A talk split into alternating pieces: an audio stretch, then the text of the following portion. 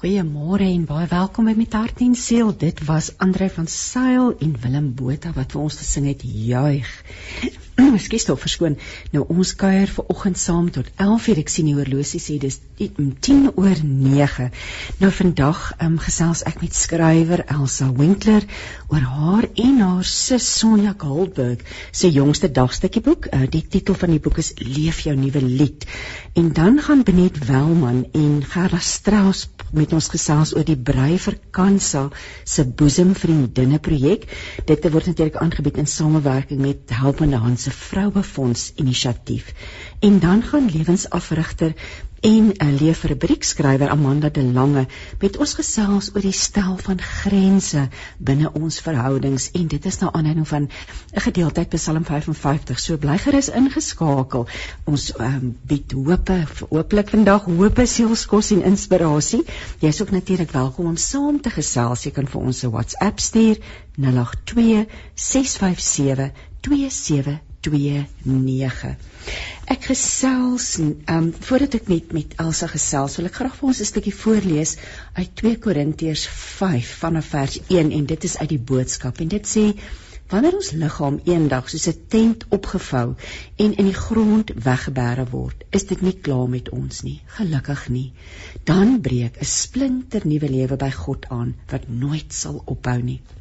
Nou spring ek na vers 5 wat sê God is besig om ons gereed te maak vir hierdie nuwe lewe wat op ons wag.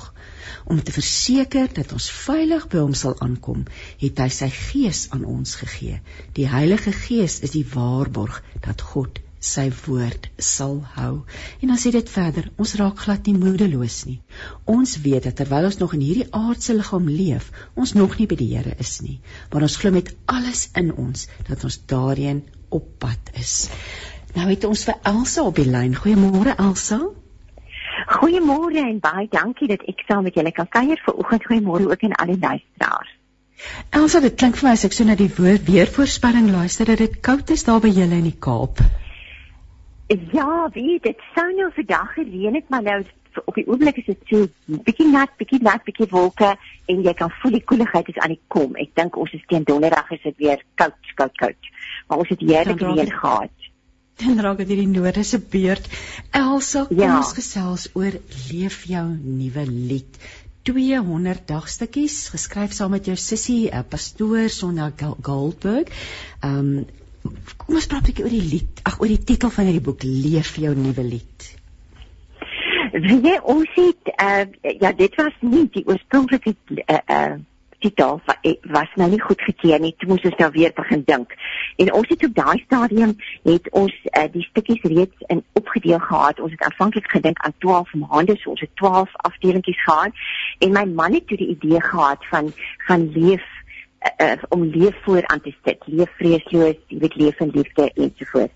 En toe onthou ek van hierdie stukkie uit ehm um, wat ek het eintlik nie op daardie stadium besef dis dis 'n lied nie maar uh mens kry so Pinterest stukkies wat so verbykom en die enetjie is to just when my hallelujah was tired you gave song sien dit vir ons meisiekind aan wat in Nederland bly en sy stuur vir my terug mamma maar dis 'n dis 'n lied van uh Bessie Music dit kom uit Letting Go van Stephen Gretzinger en toe ons nou daaroor dink, toe besef ons dat dit pas nou so mooi in uh in wat ons doen. En ehm um, Sonja my sussie het ook uh, spesifiek geskryf oor oor hoe kan ons nuut word in in Christus en 'n nuwe lied sing.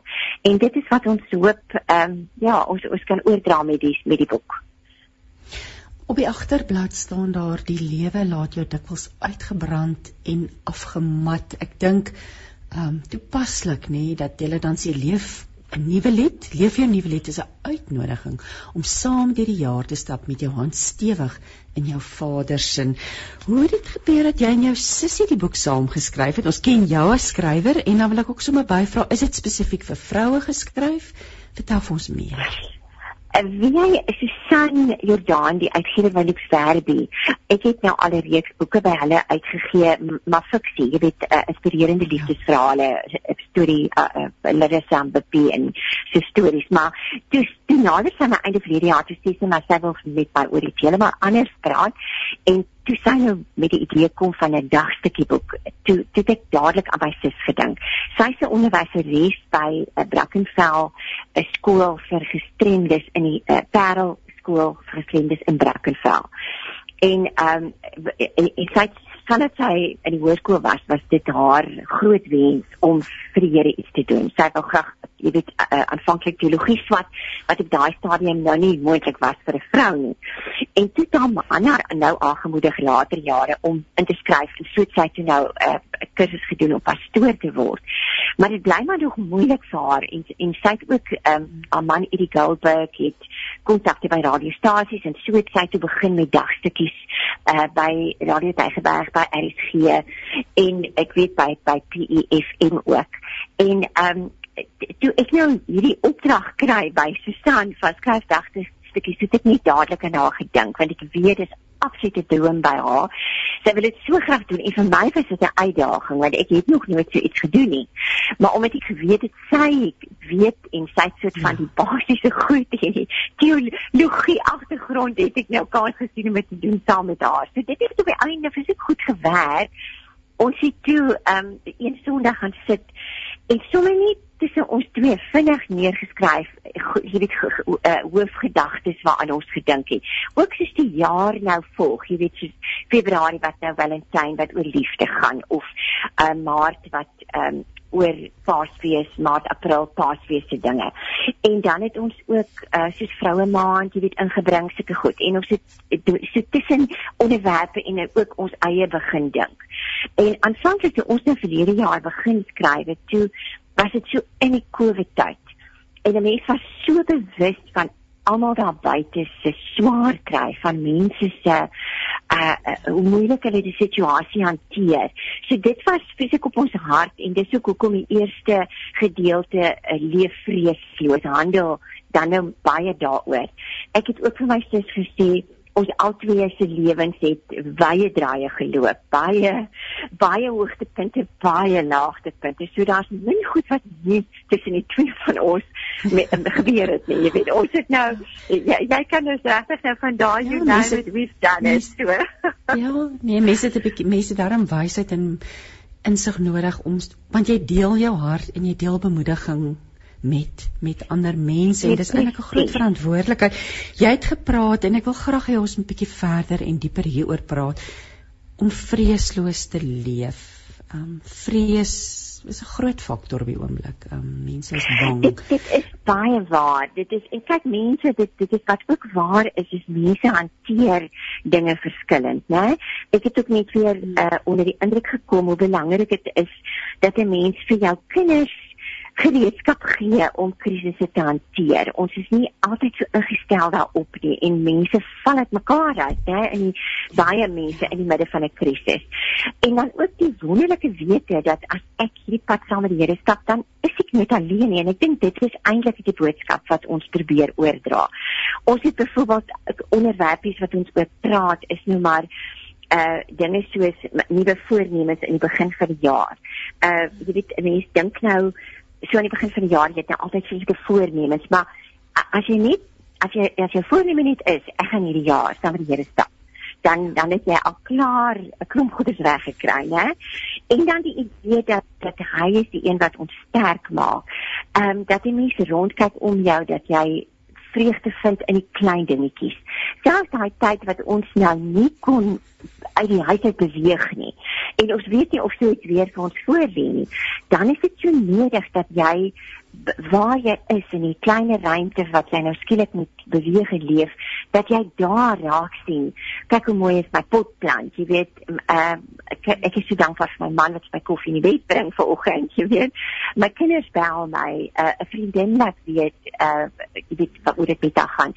Is so klein goedjies en 'n blommetjie wat blom of so iets kleins wat 'n mens ook vreugde net in kan vind. Uh die belangrikheid dat 'n mens jouself aanvaar dat ons is nie almal dieselfde nie. Is dit nie wonderlik dat ons nie almal dieselfde is nie? Ja. Jy het jou wonderlike dinge en uh ons het daaroor gesels. En dan hoe wonderlik dit is dat die Here ons ken, dat hy my naam ken, hy weet van my. Maak ek waak is nie wat ek doen nie. Um ek kan net opkyk, dan is hy daar. En dan het ons ons het ook uh, van die begin af het ek het ek versoenig ek dink so ons moet 'n soort van 'n baie spesifieke boodskap vir en oor ons kinders ook onder elke stukkie inbring wat ons toe gedoen het so teen die einde van elke gedeelte. Uh dan het ons nou byvoorbeeld by by die eerste stukkie het ons dan hoe leer ons ons kinders 'n uh, vreesloos lewe. Uh daaroor geskryf. En so ons nou by elke so 'n stukkie het ons ehm uh, ietsie vir die kinders, jy weet, ehm uh, wat jy kan spesifiek toepas op jou op jou eie en jou kinders se lewe. En ek ek dink ehm um, ek het ook nou gevra vir wie is die boek bedoel. Ek ek dink omdat ons vrouens is, skryf ons uit uit ons perspektief, uh hoe ons dinge ervaar het uh toe ons jonk was, maar ek dink ook ehm um, mans behoort aanklank te vind want baie van die goed is ook vir hulle waar. Ek skryf byvoorbeeld iewers uh oor op 'n stadium wat my man um, 'n werk aanvaar het wat ons nou agterna bestuur het nou heeltemal 'n verkeerde besluit was. En hoe verskriklik dinge verkeerd geloop het agterna. Ek weet en dan sit ons nou nie die, die man wat die besluit neem wat wat ek nou amper sê dis die hele gesin word daardeur geraak, né? So of of die vrou of die kinders wat 'n verkeerde besluit neem, dis die hele gesin wat geraak word. So ek dink regtig daar behoort iets ook vir mans in te wees, maar ja, ons ons teikenmark dink ek is is dit eintlik vrouens en dan enige ouderdom, jy weet ons skryf van toe ons babatjies gehad het, toe ons oumas geword het en alles tussenin. so. Ek dink daar's iets vir almal. Kom ons praat.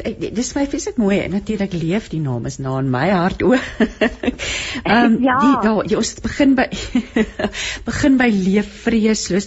Weet jy ja, om te leef is om om, om voluit te leef is eintlik ook 'n opdrag van die Here, nê? En dit is so mooi dat jy alle aspekte van ons lewens aanspreek, die goed en die sleg. Ehm um, ek dink ja. dis Elisia se mens dink ehm um, dit dat dit net altyd goed gaan. Ek het afgeskop met Korintiërs 5 wat ook sê die gees van die Here is by ons en hy is met ons en jy sê ook plaas jou hand in die hand van die Vader en dit is die enigste net hoe jy nou nou praat van die leefruimte wat verklein. Ek dink vir almal, ek dink dit geld vir almal. Ons het nou weer oor die nuus gehoor van Nieu-Seeland en dan luister mense half en dink weer ja, weet jy dis so onverwags en ewe skielik is dit van 1 tot 35. Ons praat nie eens van ons syfers nie. Weet mense ja, wat siek ja. maar om weer terug te gaan na die woord en ag oh, net jou eintlik jouself daar te gaan verloor te troos en en te hoor wat God vir jou sê want as ons niks anders het ja. nie het ons altyd die woord nê. Ek wil by jou hoor oor die liefde. Jy het nou so geraak in in, in mans en vrouens. Ons, ons lewens beïnvloed mekaar. Almal weet die families die vriende die liefde hoe leef wat hoe beveel julle aan in hierdie boek? Of wat wat bring julle vir ons aan die tafel toe oor oor hoe om die liefde te leef? Weet jy ek ek begin ons begin die stukkie deur uh, C.S. Lewis het mos so mooi aan die einde van die Tweede Wêreldoorlog so reeks praatjies oor BBC gehad oor die liefde. Hy het ook 'n boekie geskryf daaroor. Pragtig. Uh, wat hy die vier um, Griekse woorde uh, vir liefde so mooi verduidelik. En uh, uit die aard van wat ek doen, ek skryf liefdesverhale, is die liefde vir my 'n uh, wonderbaarlike onderwerp. En dit is vir my toe ek nou hierdie uh, gaan soort van bestudeer en dieper daarop ingaan, was dit vir my so tekenend van wat nodig is om 'n huwelik te laat werk. Uh, hy verduidelik vir ons so mooi uh, van storie byvoorbeeld is die nederigste van die liefdes. Dis die warm gevoel wat jy het as as iets as jy van iets hou, soos mooi musiek of jy lief vir diere of uh die die ook die gevoel wat jy het in 'n in 'n huisgesin waar jy veilig voel, waar jy liefde kry. Uh dan praat hy van filia, dis die dis die uh vriendskapsliefde. En uh later jare het die Jakes ook uitgebrei daarop wat hy verduidelik dat 'n mens is baie keer so teleurgestel in in wat jy gedink het is 'n vreeslike diep vriendskap. Dan besef jy agterna die persoon het eintlik nie vir 'n tydjie vir jou nodig gehad, né? En hy maak 'n onderskeid tussen uh ja, om, om 'n kameraad vir iemand te wees of uh jy weet 'n 'n 'n wat jy mense net tydelik ken. En dan jou confident die die persoon jou jou werklike hartsvriendinne of vriende wat jy het wat nie baie jy het gewoonlik nie vir baie van hulle nie. Dan praat hy ook van eros die romantiese liefde. Maar hy verduidelik dit vir my so mooi wat hy sê. Eros is is daai uh uh jy weet die die die liggaamlike reaksies die fladdering op die maag jou mond is droog ek skryf so graag daaroor. Maar dat as dit verdwyn met die jare of hoe ouer mense raak dan as dat raak dit ehm um, minder belangrik. Dan is dit wat wat baie belangrik is is dan dat daar storie is en hy verduidelik dit so mooi hy sê eros needs a nest of storie so hy so mooi. Dat daar mm. moet ook bo behalwe enigiets anders moet daar ook daai warmte en liefde wees. En dan natuurlik die agape liefde uh, wat jy in 'n huwelik die oomblik as jy besef dit gaan nie oor my nie dit gaan oor die ander persoon dan het jy daai wil ek amper sê vlak van liefde bereik. Uh, dat jy dat jy regtig anders dink, heeltemal anders dink oor die lewe dat ek probeer alles wat ek doen om my maat se lewe gelukkig te maak. En dit is natuurlik 'n wederkerige ding. Dit beteken nie jy se vloer laat nie, glad nie. Wat ja. wat wat is so wonderlike ding wat gebeur is wanneer jy liefde gee, dan raak dit vir die ander persoon maklik om dit weer weer terug te gee. Ons praat natuurlik nou hier van mense wat nie jy weet af afwykings het nie ons praat van normale mense sonder persoonlikheidsafwykings moet ek net bysê ja. en dan ook die die die Hebreëse woord hier sê uh, ek hoor die mense spreek dit uit met 'n G G sê wat amper 'n uh, uh, soos agape maar soos 'n amper 'n werkwoord is wat wat as jy nou dink aan 'n pa uh, wat sy kind wat verslaaf is en dwelmmiddels gaan uithaal uit 'n wil. Ehm um, die die ma wat dag na dag haar gestremde dogter voer met liefde, met kos, met aandag. Dit is vir my daai fees. Dit so ons gesels oor al daai dinge. Ons praat veral oor die huwelik. Ehm uh, my sussie het geskryf, sy skryf daaroor en dan ook uh jy weet ook net maar weer vir ons kinders uh, om hulle te probeer verduidelik van liefde uh en wat wat die huwelik veronderstel is om te wees want ek dink ook wat belangrik is in 'n huwelik is dat uh die kinders moet daar 'n idee kry van wat is wat is wat is vaderliefde want God is jou vader? En as jy dit nie in jou gesin kry nie by jou pa kry nie waar kry jy dit? So dit ons praat 'n bietjie daaroor ook ja Dries, ek wil net vir jou hier 'n bietjie in die rede val as jy nie omgee nie Elsa ek wil nee, Dries skryf van van Borwa. Hy het altyd sulke oulike beskrywings. Hy sê vanoggend dit is die groot 5 en kaptein Adoons Bochum se wêreld. Hy sê môre Sissie en en Elsa.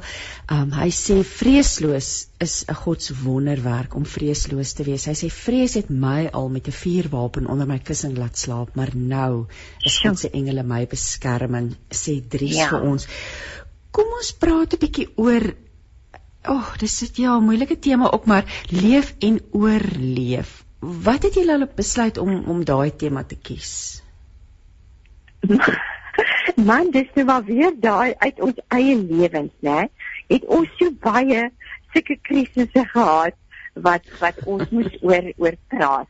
Ek het voor in daai stukkie het het ons het ek so mooi stukkie uh, opgetel wat John F Kennedy iewers gesê het. When written in Chinese, the word crisis is composed of two characters. One represents danger and the other represents opportunity.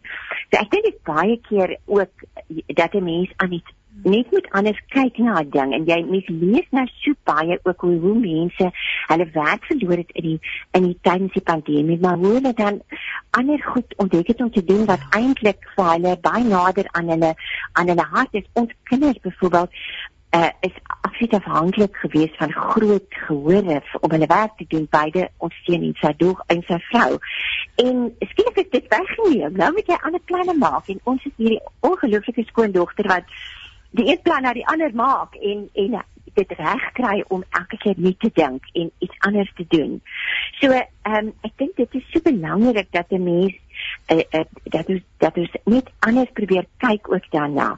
Maar die wiele val af nê. Dit gebeur. Daar kom 'n dag 'n uh, ding wat jy net glad nie voorsien het nie. Dat ehm um, jy weet jou kind doen iets, jou man verloor sy werk. Ja, gebeur was sulke goeders en daar's niks wat ons daarop kan regtig voorberei nie. Maar 'n krisis sê hulle vir jou bring verandering in 'n mens se lewe te beweeg. Daarom is dit die manier waarop ons op 'n krisis reageer so verskriklik belangrik.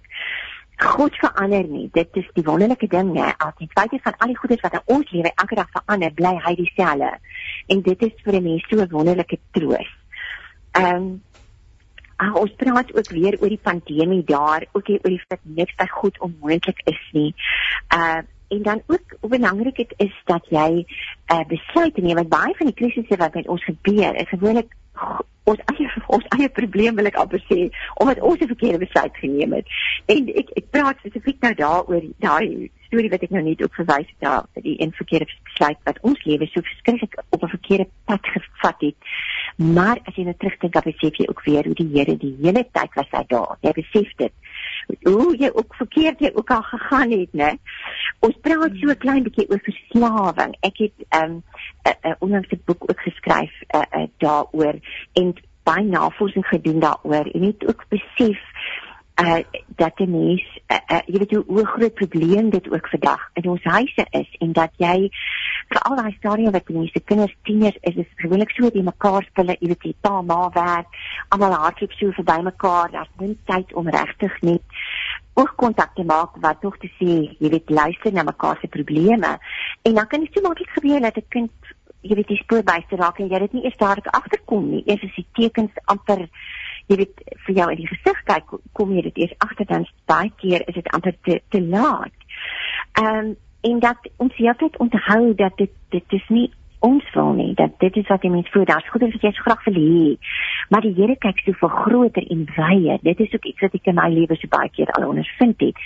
As ons het nou gedink hierdie is nou die ding wat moet gebeur en dan gebeur heeltemal iets anders en dan besef jy ag nee maar die Here het geweet dit is nie die regte ding op daai tyd vir jou nie. Almal wonderlik, hy het dit hier op ons Facebook uh, blad geskryf. So kan ons mekaar herinner en verseker van God se onvoorwaardelike liefde wanneer ons bymekaar kom dat dit en dis deel van wat jy doen. Jy herinner ons ook aan God se onvoorwaardelike liefde. Dit is my so mooi. Ek weet nie of jy of Sonja hierdie geskryf het nie wat eh, 'n stukkie wat sê God is jou rots. Jy mag maar op sy skoot klim en jou diepste vrees ja. en hartsverlange met hom deel. Jy mag maar huil ja. oor jou kinders wat ver is of oor die kollega met wie jy nie oor die weg kom nie. En dan sê jy sê julle ook verder en julle haal aan eintlik volgens Psalm 62 vers 7. Hy is die enigste met al die antwoorde. Hy is jou rots, jou ja. verlossing en jou toevlugsoord. Jo, ek dink dit daag stukkie boekspel. Byvoorbeeld die ek wil net sê ek ek wou byvoorbeeld dit dit dit was die aanvanklike titel wat ek wou gebruik op sy skoot want dit is ek met die Here praat. Dit so, hy klim so in sy skoot en ek gesels met hom. Ja. ja. Dit is 'n wonderlike ding om te visualiseer. Weet jy, as jy in die aand in jou bed lê en jouself net ja. daar te verplaas in die in te sê Here, ek sit nou hier by U. Um, ja. En dis waar, dis so die waarheid. Hy is die enigste met al die antwoorde. Ek dink ons raak so maklik oorweldig. Um jy weet ons ons verloor ons fokus. Ons ons raak uh, wat die Engelse woord? Is dit so lekker sidetracked, nee? Ons raak dinge nee, dinge raak vir ons net te veel. En jy het ja, selfs 'n stukkie wat sê leef net. Um ja, juis wanneer dinge so mense so oorweldig voel. Kom ons praat 'n bietjie oor hierdie leef net afdeling. Ja. Ehm uh, ek kan net gou ek het nou gedink ek het nou al my papiere hier so nou het ek nie aan. Ek het ek skring 'n bietjie rond. Ek het jou vra gesê dit was jy sê dit was Ja, ek dink ook uh, ons het byvoorbeeld uh, voor inskryf ek ook dit gaan oor oor dat jy nie so vir jou kan toelaat dat 'n bekommernis jou oorweldig. Ja, ek is baie ja, so eenetjie. Ja. Ek gaan haal die bobbejaan agter die berg en Ek dink baie van ons kan daarmee identifiseer. Ek dink veral vroue, dink jy nie ons is bietjie meer geneig tot bekommernis, onnodige bekommernis nie? Nee, absoluut, absoluut. En, en ons praat dan ook hierso ehm uh, oor die gawes van die Gees. Ons ja. kyk na die vrug van die Gees, uh liefde, blydskap, want dit is uiteindelik die, die goed wat jou as jy daarop fokus, die vrede wat jy kry, die geduld, dit is ook 'n probleem met my man en my kinders wat ek is wat altyd vir my sê ek is 'n maand voor die tyd gebore en ek is nog altyd so alles gaan vreeslik vinnig. en ek moet dit leer, ek moet dit absoluut aanleer om om net te weet dat dinge gebeur nie noodwendig soos, soos ek dit wil hê so vinnig nie. En daar's 'n rede vir. Daar's 'n rede hoekom tyd belangrik is. Hoekom dit baie keer 10 jaar vat voor jy iets kan doen wat jy regtig wou doen. Ek kon eers toe aftree die dag regtig myself en my passie uitleef om te skryf. Ek weet voor die tyd was daar net nie ek kon nie eens aan dink nie. Dit was nie 'n opsie nie. Uh so, so maar die Here het geweet en hy het ook geweet dat dit gaan ek het nou iets nodig om van besig te hou. Jy weet so daai ons gesels oor vriendelikheid. Jy weet in die tyd is dit so belangrik uh dat die mens net jy, jy weet okay nou kan ons sien as iemand as iemand glimlag nie dis dis nogal sleg maar mense se oë dra nogal baie keer ook oor hoe hulle voel hè. Jy kan sien agterbo kan die masker is as hartseer daar's liefde. Straal liefde uit as jy na mense kyk straal deernis uit. Ek dink dit is ook vreeslik belangrik dit veral in die tyd waarin ons nou lewe ons praat oor nederigheid selfbeheersing uh jy weet uh, ek ek kyk so na na mense se kommentaar baie keer op sosiale media wat my totaal verstom. En dan dink ek maar as ek net al by jou gesit het sou jy nou regtig so te kere gegaan het jy weet. Dat 'n mens miskien nie iets op sosiale media sê wat jy nie regtig vir iemand in sy gesig sal sê nie. Moet jy twee keer dink voor jy jou frustrasie jou woede en dan jy weet wat is dit wat die Here nou sou wil hê ek hier moet sien jy weet skep net as jy net 'n tree terug en dink net weer plaas jouself vir 'n oomblik in die ander persoon se skoene. Ek weet op die oomblik gaan mense so te kere of of jy nou wakser is of anti-wakser. Ek bedoel elke ou het sy eie opinie. Jy gaan niemand oortuig nie. Nee nee. Nie op die blaai van die sosiale media nie. En mense raak verskriklik heftig daaroor. So en ek ek het ook self net besef jy weet dit is iets wat jy die Here is in beheer en dit is wat ons eintlik net heeltyd vir mekaar kan sê. Hy bly in beheer. Ons sit dit wonderlik dat dit so gebeur, né? Ja, en ek dink mense raak nou op die oomblik kort van draad. Ehm um, ja. dit raak vir hulle te lank nou. Dit is ehm um, so ek dink dis deel daarvan dan en dat ons osself so kan uitspreek op sosiale media en eintlik so verneinig en dan dis nie hoe Christene behoort te leef nie. Nee, ek dink dit hoort te Ek wil vir jou so laaste vragie. Ek en ja. ons tydjie raak nou klaar. Ek wil nou vir jou vra o, jy's 'n skrywer van fiksie en en en hoe jy hierdie beleef? Wat wat het dit het dit vir jou iets aan jou menswees gedoen om hierdie dagstukkie boek te skryf? Hoe het jy dit beleef in in vergelyking met om fiksie te skryf? Ja, dit is 'n totale ander proses, maar dit was dit was skrikkelik dit was regtig dit was baie intens. Maar my sis omdat sy skool hou uh die skool het laat vir hierdie jaar in Desember gesluit en weer vroeg in Januarie begin. So ons het so 6 weke gehad min of meer wat ons ek het begin met sy toe nog skool gehou en sy sy het nou reeds vir die tyd uh dagtetjies gehad waarvan waarvan sy kon kies alhoewel sy ja. meeste van die, die oorgeskryf het nie geskryf het ja, volgens ja. ons temas nou maar uh, ons het in daai tyd so jy stel op en geslap is die hele dag doen jy net dit. En ons stuur dit ene weer vir mekaar, so jy leef so in mekaar se wêrelde in uh en jy so in jy sê beslis vir die Here wat jy by jou sit, né, die hele tyd terwyl in 'n gewone dag gebeur dit maklik dat jy vergeet van hom in 'n krisis, in 'n probleem. En daai tyd het jy net weer so onder die bewustheid bewus geraak van die feit dat hy is hier. Hy's altyd hier. Ek kan net my hand uitsteek, ek kan maar net met hom praat dan is hy hier. So dit was vir my het dit definitief uh, baie nader die Here gebring baie dieper weer in sy woord laat kyk. Ons het ook begin met versies uh, wat ons uh, Bybelversies oorspronklik het ons gedink ons wil die nuwe vertaling gebruik. Maar dit is nie beskikbaar toe ons begin nie. En toe die begin van die jaar toe stuur so Santos wat is aanlyn reeds beskikbaar en dit ons alles gaan oorskryf. So al die versies bo aan. Mm. Alhoewel is in die stukkies verwys na na ander uh weergawe van die Bybel is die oorspronklike stukkies bo aan is alles uit die nuwe 'n uh, vertaling wat nou weer ook vir die mense baie keer so 'n nuwe manier gee net van kyk na dieselfde ding wat jy wat jy reeds ken. So ja, dit was vir my baie spesiaal die hele ding. Elsa, dit was nou so lekker om met jou te gesels. As jy dalk nou net ingeskakel het, luisteraar, ek het gesels met Elsa Winkler, bekende skrywer van fiksie, maar hierdie keer het ons gesels oor Leef jou nuwe lied 200 dagstukkies wat sy saam met haar sussie Sonja Goldberg geskryf het. Die boek word uitgegee deur Lux Werby, vars op die rak met 'n pragtige omslag met ag baie vroulike omslag, sag, mooi en dit nooi jou uit om regtig waar nader aan die Here te kom. So Elsa, verskriklik dankie vir jou tyd vanoggend en groot seën vir jou en vir hierdie boek.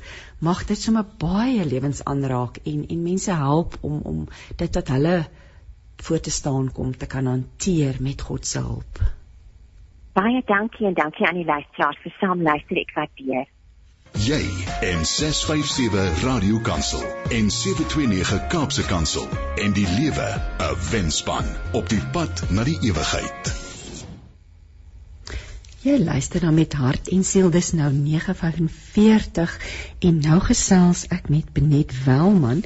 Nou Benet is projekorganiseerder by Solidariteit Helpende Hand en die Vroue Fonds. Môre Benet. Môre Christine, hoe gaan dit daar by jou? Dit gaan uitstekend by my en met jou. Ek hoop dieselfde. Dit, dit gaan baie goed, dankie Christine. Dit is so lekker om met jou te kan gesels vanoggend.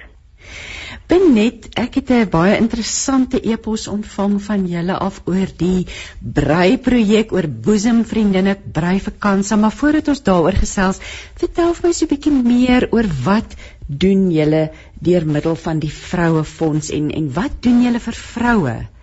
Vertel asseblief vir ons.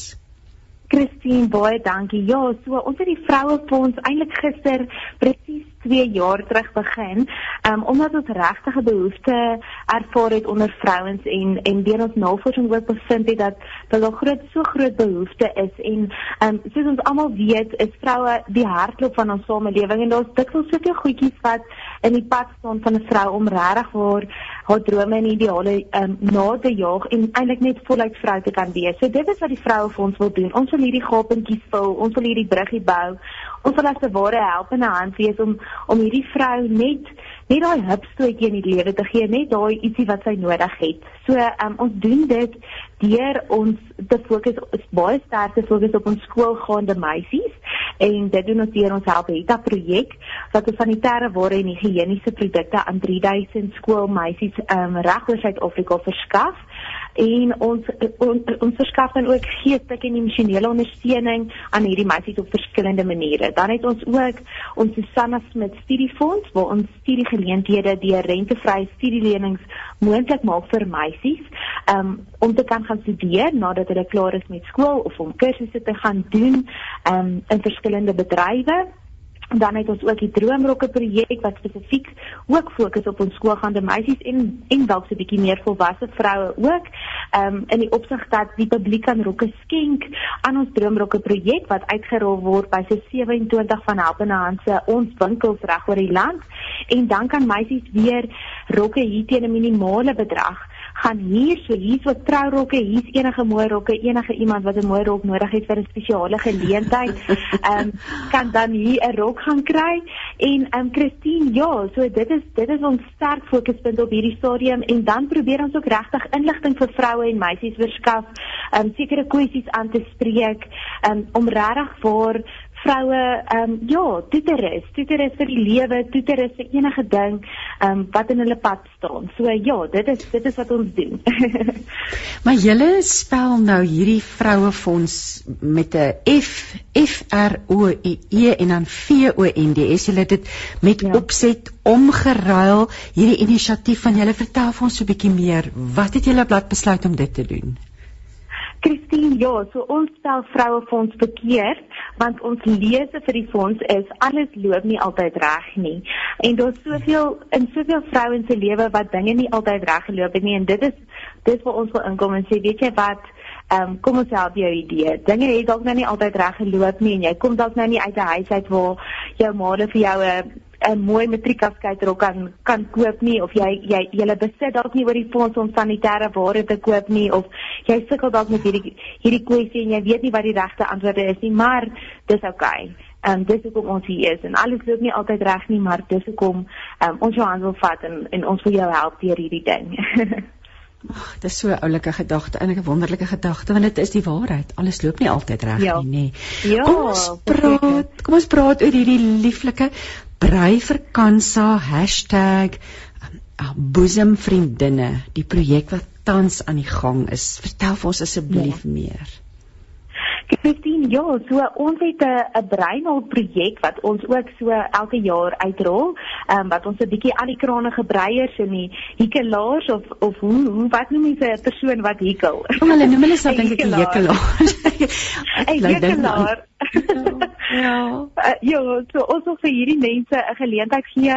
Um, hulle vra altyd wat kan hulle doen en waarmee kan hulle besig wees en ons het altyd 'n projek wat ons komberse brei of missies vir kleuters of hoe dit ook al sê en ehm um, dit was op hierdie oulike uh, projek afgekom van Kansa waar hulle borsproteses brei of hikel ehm um, vir vroue wat borskanker gehad het en nie 'n silikoon protese of 'n borsrekonstruksie kan bekostig nie. En dit het my eintlik net so geraak om te dink dat um, ons dit eintlik so klein dingetjie is wat mens kan teruggee vir hierdie vroue wat regtig 'n moeilike en 'n lang pad moes stap en ehm um, ja, iemand naby my het in die afgelope jaar ehm um, ook deur borskanker en die hele proses ge, gegaan en dit is so 'n lang pad en moeilik en ehm um, as jy vir chemobehandeling gaan dan verloor jy jou hare en dan om alles te kroon moet jy nog jou borste ook verloor wat eintlik so groot deel van jou vrou wees is en ehm um, van dit wat jou vrou maak en ek het net gedink dit moet verskriklik wees as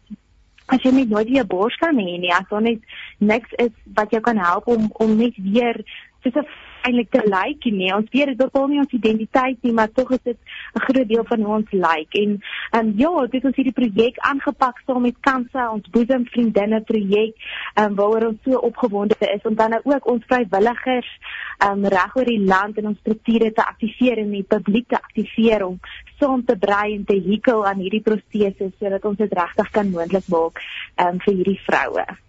Ek dink mense wat nou luister wonder my aard nou nou die wol en gaan dit net nou krap ja. en jy weet weet hoe maar ja. dit is 'n baie spesiale pakket. Daar's dis spesiale ja. materiale ja. wat jy mee werk en ja. ehm ja. um, so dit en wat 'n interessante konsep. So is daar 'n plekkie waar ja. mense kan gaan kyk? Is daar 'n op, op julle webwerf om te sien ja. hoe lyk hierdie pakket? Ek weet julle het vir my foto's gestuur.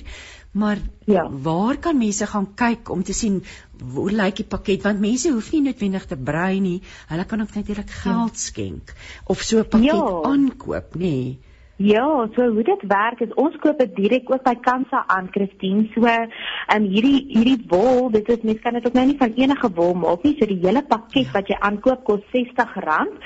Ons koop dit direk aan by Kansa en dit bevat dan 'n sintetiese wol omdat dit so 'n sensitiewe plek in jou vel is. Ja. En dan die die brei of die hekel patroon is dan ook deel van die pakkie en dan hulle noem dit die stuffing. Ek kan nou nie mo aan 'n mooi Afrikaanse woord vir dit drink dink nie, maar die vullingsmateriaal. Ehm um, waarmee jy dan nou hierdie as jy hom klaar gebrei het, dan stop jy hom op met hierdie en dan werk jy hom toe en en dan het jy 'n dan het jy 'n borsie. Dis eintlik verskriklik oulik. Ja. Dis ongelooflik. Ek dit is interessant ja. vir my mense vorendag kom nie. Hoe lyk hierdie ja. aksie want want jy mik vir Oktober vir borskanker kankermaand. Ja. Um, so as luisteraars nou ja. luister, daar's nog genoeg en hierdie mense party hierdie ja. vrouens brei mos vesek vinnig. So. Ja. en jy kom vreeslik vinnig. So daar is nog tyd as ja. jy wil deelneem, maar ek wil nou vrou, hoe lyk ja. hierdie aksie sover? Ehm um, die reaksie is wonderlik Christine. Ek moet vir jou sê dit het eintlik my wildste verwagtinge oortref. Op hierdie stadium is daar al meer as 1000 pakkies wat ehm um, uit is by breiers en dan weer teruggekom het ehm um, wat ons al bestel het van ons kant af by Kansa. Ehm um, wat wat wat deur ons vrywilligers al besig is om gebruik te word. So dit is dit is net ongelooflik. Ons vrywilligers het so lekker gereageer en hulle is so opgewonde oor hierdie projek. En dan ehm um, ook verder as dit het ehm um, organisasies ons al genader soos Atterbury Trust het ons spesifiek genader om um, om ook betrokke te raak um, tydens vroue maand nou weer meer spesifiek vir Augustus maand wat die projek en ons het saam met Wolwe Spruit wat 'n 'n uh, 'n wonderlike plek hier in Pretoria is waar mens lekker kan gaan stap en bergfietsry en 'n lekker restaurant waar mense kan eet. Um, Wolwe Spruit gee vir ons 'n presentasie van hulle winste vir Augustus maand vir hierdie projek. Um, so vir al die Pretoriaaners wat luister, gaan maak 'n draai daar. Ehm um, so dit is ook dit is dis wonderlik. Ehm um, die ander organisasies organisasies wat net inkoop en net sê dit is 'n so op so 'n klein maniertjie kan nie so groot verskil in hierdie vrouens se lewens maak. So ehm um, so ons verwagtinge is oortref. Ons is ons is regtig opgewonde en ons ons sien verskriklik baie uit om te sien hoeveel ons dan nou op die ou einde tydens borskanker maand in Oktober aan kansa sal kan oorhandig. Is, is tot wanneer kan mense nog deelneem? Jy het nou Oktober genoem. Is daar 'n is ja. daar 'n tydlyn vir die projek? Ja, so ons wil dit graag ons ons gaan die projek afsluit in Oktober. So mense kan nog definitief ons kontak en nog lekker saambrei vir die res van Augustus en September. Ehm um, ons wil graag in Oktober wil ons dan alles wat ons ingesamel gekry het en wat gebrei is wil ons by die verskeie kansa kantore landwyd gaan aflewer sodat ons vrywilligers ook landwyd aan die brei is.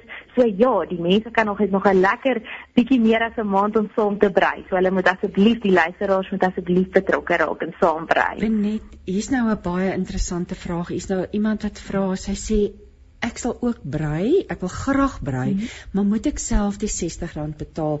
Uh, die dame het, sy sê ek het longkanker en ek is werkloos, maar ek wil mm -hmm. verskriklik graag brei.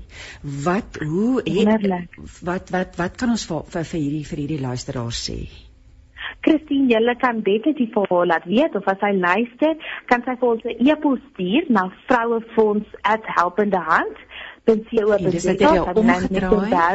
Ja, sy moet onthou om nou net verkeerd te spel. Ehm um, en dan ehm um, dan kan sy met ons in kontak tree um, met hierdie projek wat ons saam met Atterbury Trust in Wolwespryd aanpak. Gaan ons 'n groot klomp ehm um, proteses skryf wat ons gaan kan uitdeel aan mense om lekker saam te brei. So jy kan so, self op jou R60 pakkie koop. Ja, ekskuus. So hy's al ja. twee bene as ek dit reg verstaan. Mens kan of ja. die pakkie self koop en brei mm. of jy of ja. jy kan net 'n skenking maak sodat iemand anders kan brei. Ek kan byvoorbeeld glad nie brei nie. So my mens kan dan 'n ja. skenking ja. maak. So so ja. so hy let maak maar net kontak dan dis vrouefonds. Herhaal asseblief net ons weer die e-posadres benet. Dis vrouefonds@helpendehand.co.za. En dis natuurlik dan omgedraai, vrou met 'n F en fonds met 'n V. Ja. Ek wil nou ja. jy jy praat, jy het gepraat van hoop en en en en oordra van hoop is groot deel van julle werk. Ja. Watter watter impak het dit op jou as mens en, en is daar geloofslesse wat jy geleer het in van dit jy betrokke is by hierdie by hierdie projekte en hierdie hierdie inisiatiewe wat jy wat jy um, wat jy aan die publiek lewer? Ja, ehm um, Christine, dankie. Ja, dit is dit is wonderlik dat jy dit vra. Ek dink ehm um, my werk is om elke dag 'n verskil in mense se lewens te maak en dit is 'n groot voorreg. Ehm um, mense vergeet dit part verloor dit ek verloor dit self partykeer uit die oog en moet myself gereeld daaraan herinner dat wat 'n voorreg dit is om elke dag dis my werk om 'n verskil te maak en om hoop te bring en om hoop te saai. So dit is so groot voorreg en ek dink ehm um, iets wat dit wat ek geleer het ehm um, in my tyd by Helpende Hand is um regtig totale afhanklikheid van die Here. Daar's soveel projekte wat ons aanpak um en en dan weet mens nie as mens maar onseker jy weet nie of dit gaan slaag nie. Um jy weet nie waar gaan jy die geld vandaan kry nie. En 'n ding wat ek geleer het is as dit die Here se plan is, as dit sy tyd is vir 'n projek, dan sal hy die fondse stuur en hy sal die mense stuur soos wat hy met die boesemvriendinne gemaak het. Hy het die breiers gestuur en hy het die geld gestuur en en ons brei al lekker. So um, en maar daar is ook soms kere wat dit nie sy tyd en nie sy plan is nie en dan moet mens alby berus. So ek dink dit is definitief die grootste ding wat ek geleer het. Soms werk 'n projek nie en dan moet mens besef dit was nie die Here se tyd en dit was nie sy plan nie. En dan sal dit later nog sy tyd raak, maar vir nou moet ek fokus op dit wat wat hy eintlik laat gebeur. Ehm um, want ons is so niks sonder ons donateurs en sonder die mense wat met ons hande vat om hierdie pro projekte uit te rol. Nie sonder ons vrywilligers um, in ons streke is ons niks nie. Hulle is ons hande en voete in ons gemeenskappe. So sonder hulle is ons niks nie. Um, en en dit is ek dink dit dit laat mense besef ons het nie die geld om alles reg te koop nie. Al wat ons het is die Here en en sy pad en sy plan vir ons organisasie. So dis dis definitief iets. Ja. ek wil nou ek wil net weer herhaal want as mense dalk luister en hulle wil betrokke raak Kan jy net weer vir ons die detail gee waar hoe raak mense betrokke? Christine, mense kan vir ons 'n e-pos stuur as hulle op enige manier wil betrokke raak, het sy hulle 'n donasie wil maak of as hulle um, wil som brei, kan hulle vir ons 'n e-pos stuur by Vrouefonds met die soos wat jy mooi sê, die vrou moet met 'n F wees en die fonds met 'n V. @helpendehand.co.za dan kan hulle met ons saamgesels of hulle kan ons webblad besoek by www.helpendehand.co.za en dan kan hulle ook 'n donasie daar vir ons maak net spesifiek met die verwysing kansa, brei, brei kansa of kansa laat ons net weet dit is dis spesifiek vir daai projek. So dit is dit is hoe mense kan betrokke raak en saamgesels en kan deel raak van ons inisiatief. En hulle tyd en hulle liefde skenk om vir ander hoop te bring. Om af te sluit, ek gaan nou hierna met Gerda gesels uh, wat wat uh hoof is van dienste by Kansa 'n bietjie verder oor die projek, maar woorde van bemoediging aan iemand wat dalk luister en swaar kry vir oggend. Christine, ja, dit is nou ehm, 'n um, interessante vraag wat jy vra. Ons is nou eintlik um, by ons gemeente besig om 'n bietjie te reis deur Exodus en dit is eintlik net weer vir my wonderlik en en vind so aanklank eintlik um, by hierdie tyd waar die Israeliete so swaar gekry het in uh, Egipte en wat hulle so gekla het dat hulle net wil wil uitkom en en toe hoe die Here hulle uit Egipte uitgelei het en toe kla hulle weer omdat hulle ehm um, omdat hulle nie genoeg kos het om te eet nie en hulle verlang terug na die vleispotte toe. En toe laat die Here hulle droogvoets deur die Rooi See trek en ek moet vir jou sê dit het my eintlik net weer getref oor hoe ongelooflik ons God is en en hy is vandag nog presies dieselfde daai God wat wat die Israeliete deur die rooi voet deur die rooi see op droë voet deur die rooi see laat trek het hy is vandag nog steeds ons God. En ehm um, ja, en wat ons ons dominee toe nou so by die gedagte vir die dag byskryf, ehm um, waar die waar die Israeliete toe nou so deur die rooi see is waar hulle die Here loof en prys en waar daar 'n hele deel in die Bybel is wat hulle die Here loof en prys en dan net ons weet wat wag later aan gaan hulle nou weer kwaad raak en moeg vir die manne aan die kwartels en die goue kaal wat gebou gaan word en ons weet wat kom en en ehm um, en wat hy dit nou so byskryf is dat ehm um, goeie tye is ons neerskryf tye en ons vaspen tye en slegte tye is eintlik ons onthou tye. So ehm um, dit is so belangrik dink ek vir ons om in hierdie tyd te onthou ehm um, daar waar die Here regtig vir jou deur die rooi see gedra het. En om te onthou dat daai dit nog steeds dieselfde Here, hy het nog nooit verander nie. Hy hy gaan jou weer deur deur die rooi see dra. En ek dink in hierdie tyd waar ons so baie mense is wat swaar kry, ehm um, dink ek is dit vir ons so belangrik om te onthou en om tyd te maak om om weer te gaan onthou en weer te dink oor hoe het die Here jou al deur die rooi see gedra en en daarin vas te hou dat dat jy kan weet dis dieselfde God met dieselfde krag wat die rooi see kan laat opdroog. Dit is jou God en en dit is waar ons kan vashou. Ag, pragtige woorde om te onthou, ja. Jo, dit pas so mooi ook aan by ons vorige gesprek. Sit jou hand in die hand van die Here en onthou hy is daar en my gedagtes kom net weer op dis too shall pass, nee. Dit ons ons hierdie gaan nie vir ewig aanhou nie. Moeilike tye gaan nie vir ewig aanhou of dit nou fisies, emosioneel, wat ook al. Maar pragtig om ons ja. te herinner.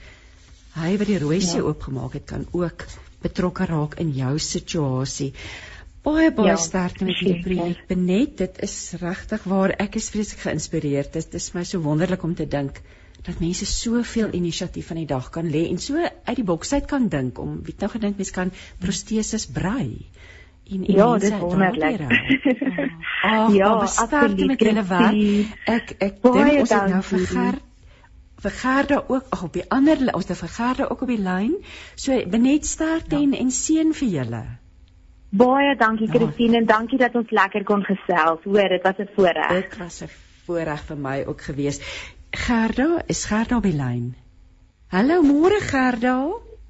Is jy daar? Ja, ek is hier. Kan jy my duidelik hoor? Ek kan jou hoor. Is jy dalk op speakerfoon? Ek kan dit afhaal. Ag asseblief, weet jy ons dit is net bietjie duideliker as jy direk in die ja, gehoor stukkie gesels. Daar's ja. sy. Gerda, jy's die hoof van dienste by Kansa. Ek wil sommer dadelik vra wat behels jou werk?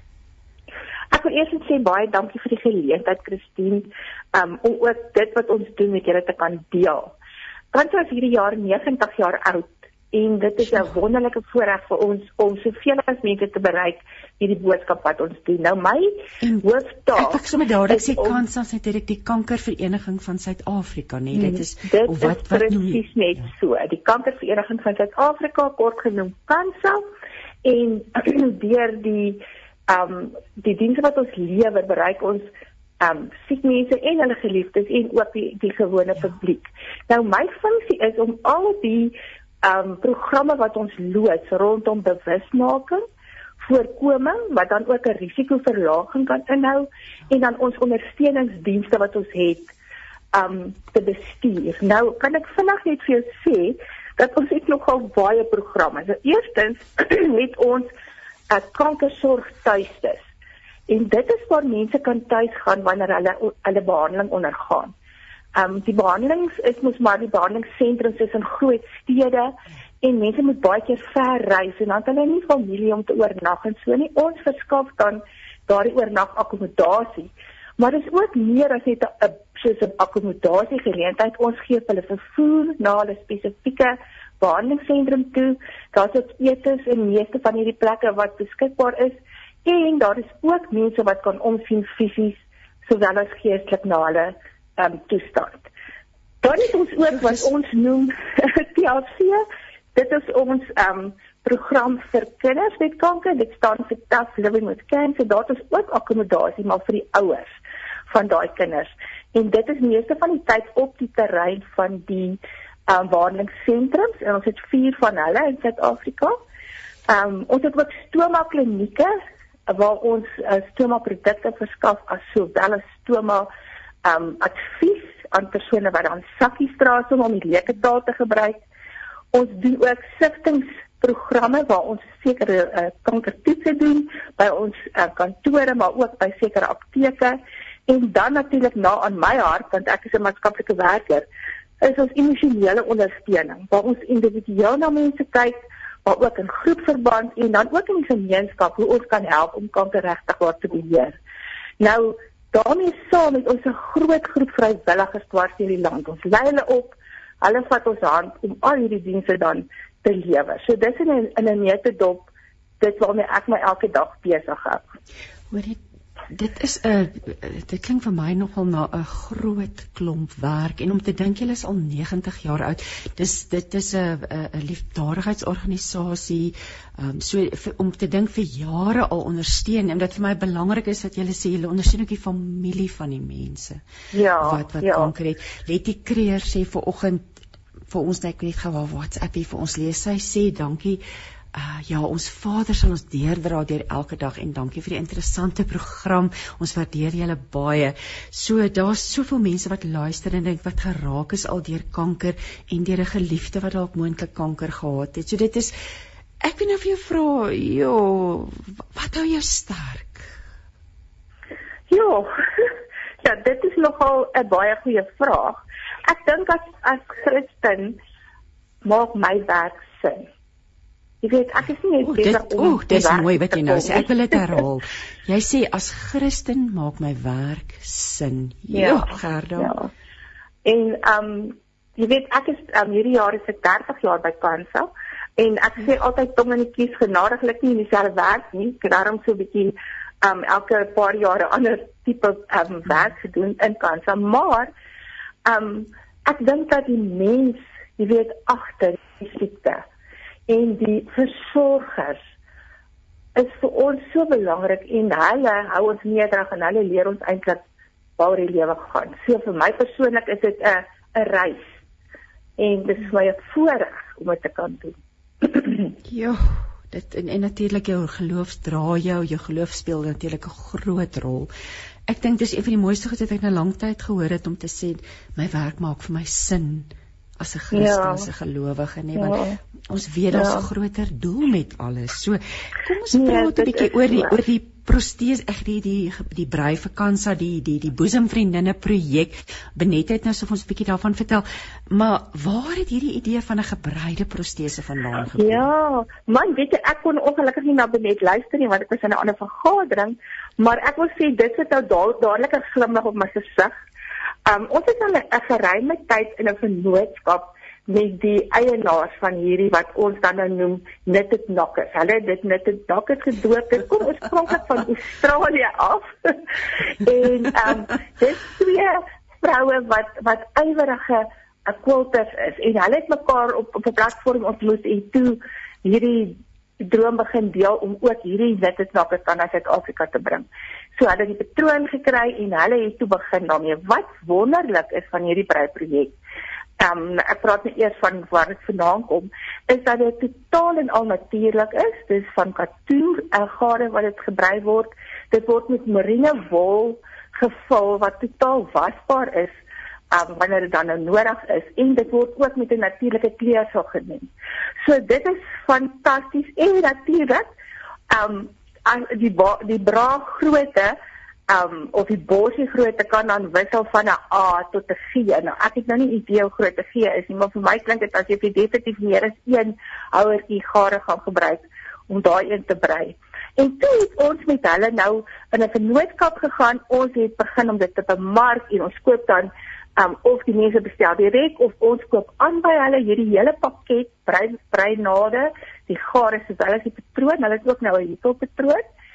En op 'n manier het die helpende hand se dames, die boesemvriendinne gesê maar hierdie jaar hulle brei blikbaar gereeld.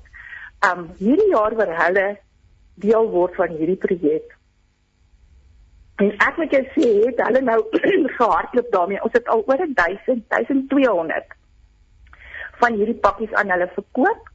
En um dit is dan nou hulle brei en die tannies wat op 'n stadium 'n foutjie in die patroon agtergekom het, het dit daarom kon, kon uitskakel en nou wanneer hierdie um borsies dan klaar gebrei is, word dit teruggebring na die verskillende kankerverenigings daar oor die land en in Oktober maand gaan ons dit dan uitgee by hospitale en borsklinieke um vir pasiënte. So dit is Och, waar dit vandaan kom en wat ons nou doen daarmee. Jy's reg, dit bring absolute glimlag op mense gesig nie. Ja, dit is daar's my En hoe wonderlik twee handwerk handfluiters, handwerkers wat besluit het maar kom ons doen so iets. So hierdie is nie die eerste keer wat julle hiermee te doen het nie. Nee, dis nie nee, is dit die nee. eerste keer dat julle so o, so julle het hierdie projek al voorheen aan met hierdie keer. Groot ja. Keer wat dit so groot doen. Ek moet dalk net die twee dames se name noem, is Dana Biddle en Ruth um Aisha. Um wat dan saam hierdie projek begin het en dan saam met ons nou die afgelope 4, 5 jaar loop. Maar ek wil vir jou sê dat hierdie dames nê nee, van helpende hand het die verkope wat ons oor die hele tyd saam gedoen het elke jaar oortref. Um so ja. dit is absoluut net dit is 'n veldbrand deur die land vers, versprei en ek wil baie dankie sê as jy een is wat vanoggend inluister en jy vir ons 'n protese gebruik, weet dat jy ook 'n glimlag gaan sit op 'n pasiënt se gesig in Oktober maand. En ons sê as kansa baie baie dankie. So julle gaan dan in Oktober weer met julle vrywilligers na die hospitale en en die klinieke en en julle en en vind uit en en mense kan kan mense julle kontak as hulle die as hulle ook 'n behoefte het om so 'n ja. uh, protese so uh, die boesempakkie te te ontvang. Kan hulle ook met julle kontak maak? Ja, die maklikste sal wees op hierdie stadium om ons tolvry nommer te skakel. Kan ek dit gee? Ja, met liefde asseblief. 0800 226622. En en van daar af sal hulle na die regte persoon toe verwys word. Ons is besig om die telefoonstelsels te kry, so al ons foonnommers werk nie, daarom is dit die maklikste om dit deur die tolvrye nommer te doen. En dis ook net net vir enige enige navraag, enige hulp, jy sal hulle na die regte afdeling toe verwys via ja. hierdie nommer. Ek gaan die ja. nommer herhaal. Dis dis 'n tolvrye nommer, dis 0800 226622. Gaan dit is vroue maand, so ons ons fokus 'n bietjie op die vrou en haar behoeftes. Vertel vir my 'n bietjie meer oor die mense wat wat saam met julle werk, hierdie vrywilligers en ook fisiek mense. En en ek wil vra ja, vertel net vir ons hoe dit jou beïnvloed en jou ja. menswees ja. aanraak. Ja, ja, wat ek wil net sê dat in die 30 jaar wat ek by Kasse gewerk het, het my betrokkeheid natuurlik nou verander waar ek as 'n maatskaplike werker aangestel is en baie direk met die pasiënte sowel as met die vrywilligers gewerk het, is ek natuurlik nou die afgelope 20 jaar meer in die, in 'n bestuurslyn. Maar Christine, weet jy, ek dink ons is nou so vasgevang in hierdie pandemie. Maar maar kanker mm. gaan nog ja. lank aangaan na die epidemie. Ag na die pandemie. En ja, ja. wat ek geleer het by kankerpasiënte is om net elke dag te vat en om voluit te leef. En dit is wat ons ook wanneer ons die mense bystaan, jy weet om te sê vat dag vir dag, want dit help nie jy bekommer jou nou oor 3 of 4 weke later nie en probeer hierdie dag voluit leef. En ek het weinig kankerpasiënte in my lewe oorpla. En um dit was altyd vir my inspirerend om te sien dat al kry hulle swaar, hulle hare val uit.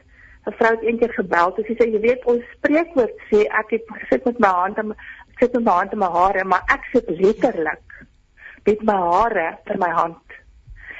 En um so hulle gaan deur ongelooflike moeilike situasies.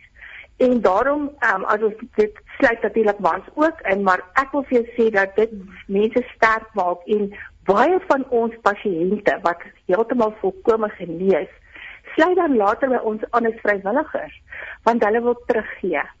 Dit wat hulle ervaar het en dit wat hulle dalk emosioneel self ervaar het, maar ook wat hulle kanse gekry het, wil hulle graag teruggee um, aan 'n ander ander kankerpasiënt.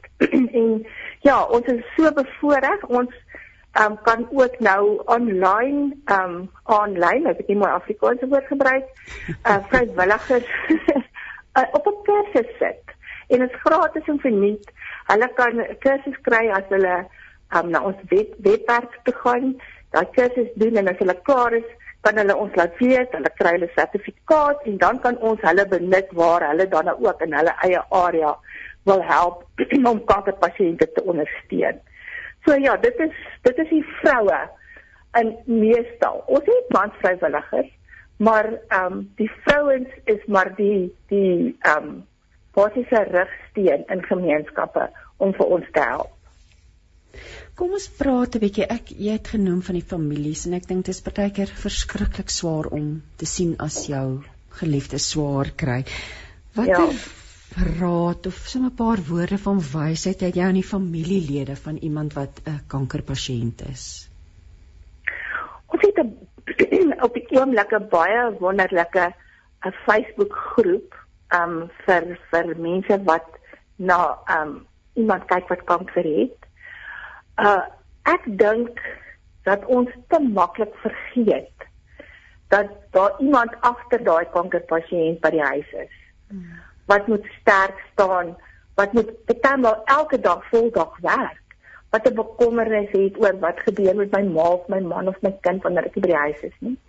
En ek wil sê dat deur hierdie COVID um situasie het kans daar regtig waar soveel geleer om mense ook op 'n ander manier te ondersteun. Ons het verlede jaar op Mandela Dag het ons 'n uh, tol ag 'n uh, telefoonberadingslyn in sewe tale um bekend gestel waar ons um, professionele um berading kan doen. Skielik daar 'n paar met jou. Professionele berading kan doen waar daai persoon ook al is in in in Suid-Afrika. Solank hy 'n foon het, kan hy met ons kontak maak. Uh die mense bel in op 'n selfe tolvrye nommer. Ons uh, hoor wat hulle taalvoorkeur en dan word hulle verwys na 'n uh, spesifieke beraader. En ek wil regtig waar vir al die mense wat na hulle pasiënte familielede omsien. Sê dit is nie net vir die pasiënt nie. Maak gebruik hiervan. Bel in. Ons is daar. Ons is oor want dit is moeilik om elke dag voort te gaan in jou daaglikse lewe en na iemand om te sien. Ja, die ondersteuning wat jy bied is eintlik fenomenaal. Dit is so lekker om weer te hoor. Ek dink ons sal almal of weet mense weet van Kansa en maar julle doen ongelooflike werk Gerda. Ek wil nou vir jou vra, ons ons tyd raak nou staan nou einde se kant toe dalk ja. woorde van bemoediging aan diegene wat luister wie dalk tans en jy was al vroeër vanoggend 'n luisteraar wat gesê het sy het longkanker. Iemand wat dalk tans staan en hulle is in die stryd met kanker gewikkel. Watter woorde van bemoediging het jy vanoggend vir daardie persoon? Ek dink dit klink soos 'n klise, maar kanker kan oorwin word. En ehm um, dit is ook 'n daaglikse oorwinning um, dis dalk net maar klein oorwinningkies in jou eie lewe, maar die mense moet daaraan vashou dat uh jy weet dat die die vroeë opsporing kan absoluut lei tot tot genesing, maar wanneer daar dan miskien 'n uh, 'n laat diagnose plaasvind, is daar nog steeds hoop want daar's behandeling. En vind uit en vra vra. As jou dokter nie vir jou al daai vrae kan gee nie, dan kan jy. Ons het ook professionele mense wat wat klinies baie goed opgelei is wat regtig waar die mense met raad en daad kan bystaan. So ek wil net sê moenie moed verloor nie. Um maak seker dat jy elke dag ten volle soos jou kragte dit vir jou toelaat. 'n Dag leef en weet kanker kan oorwin word. Ag, amen. Ek wil net graag julle kontakdetail herhaal. Die tolvrye nommer is 0800 226622 en die webwerf net die die webwerfadres asseblief Gerda. Goed. Dit is dan nou www um dat kansa um .org.za. So dis o r g .za. Ja, is dit met 'n K of 'n C daai kansa? Nee, dis met 'n C. Met die C so dan in 'n En as jy jy kan ook net jy kan ook net Google kankervereniging en dan sal hy vir jou dadelik um verwys na ons webwerf. Daar's wonderlike inligting op ons webwerf. Mense moet asseblief daarvan gebruik maak want dit is inligting wat hulle kan vertrou. Weet jy want ek het al gehoor mense dokters wat gesels en sê dat weet mense gaan op die oomblik uit vrees vir COVID-19 doen hulle nie hulle ondersoeke nie. Hulle weet hulle ja. is, hulle hulle vermy eintlik dan om dokter of hospitaal toe te gaan en dit is nie noodwendig die die regte keuse nie nê dat ons ten spyte van die omstandighede moet ons daar wat jy gesê het vroeë opsporing as 'n mens vroeg genoeg so weet dit dit dit opspoor as daar iets eh, as daar kanker teenwoordig is. So hou vol met jou ondersoeke en en gaan vir jou mammogram en doen die dinge wat jy moet doen, die prostaat. Ja. Al al daardie dinge hou aan daarmee. Ek wil ook ons luisteraars aanmoedig en Gerda baie baie dankie vir jou tyd vanoggend. Dankie vir die werk wat jy doen. Ek glo jou werk is soms baie uitdagend en um, en ons bid die Here se seën oor jou en oor elke persoon wat betrokke is by julle organisasie. Baie dankie Christine. Ek waardeer regtig die geleentheid en dankie aan al die luisteraars. Jy en 657 Radio Kansel en 729 Kaapse Kansel en die lewe 'n wenspan op die pad na die ewigheid. Ja, luister nou met hart en siel staan as een en nou gaan ek gesels met lewensafrigter Amanda de Lange en ons gaan gesels oor grense.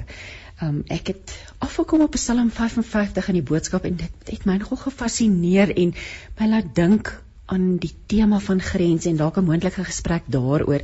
Dit sê God hoor my tog as ek bid. Ehm um, moenie my rug op u rug op my keer as ek u om hulp vra nie. Dan sê dit alles is te mekaar in my kop. Ek weet nie wat om te doen nie. Binne in dit my woel dit heeltyd. Mense wat niks van my hou nie, los my nie uit nie. Slegte mense maak die wêreld vir my bitter moeilik. Um hulle praat almekaar kwaad van my. Hulle behandel my soos 'n vloerlap. Ek kan dit nie meer uithou nie. Alles word net te veel vir my. Ek is bang om dood te gaan. Ek bewe soos 'n riet van vrees.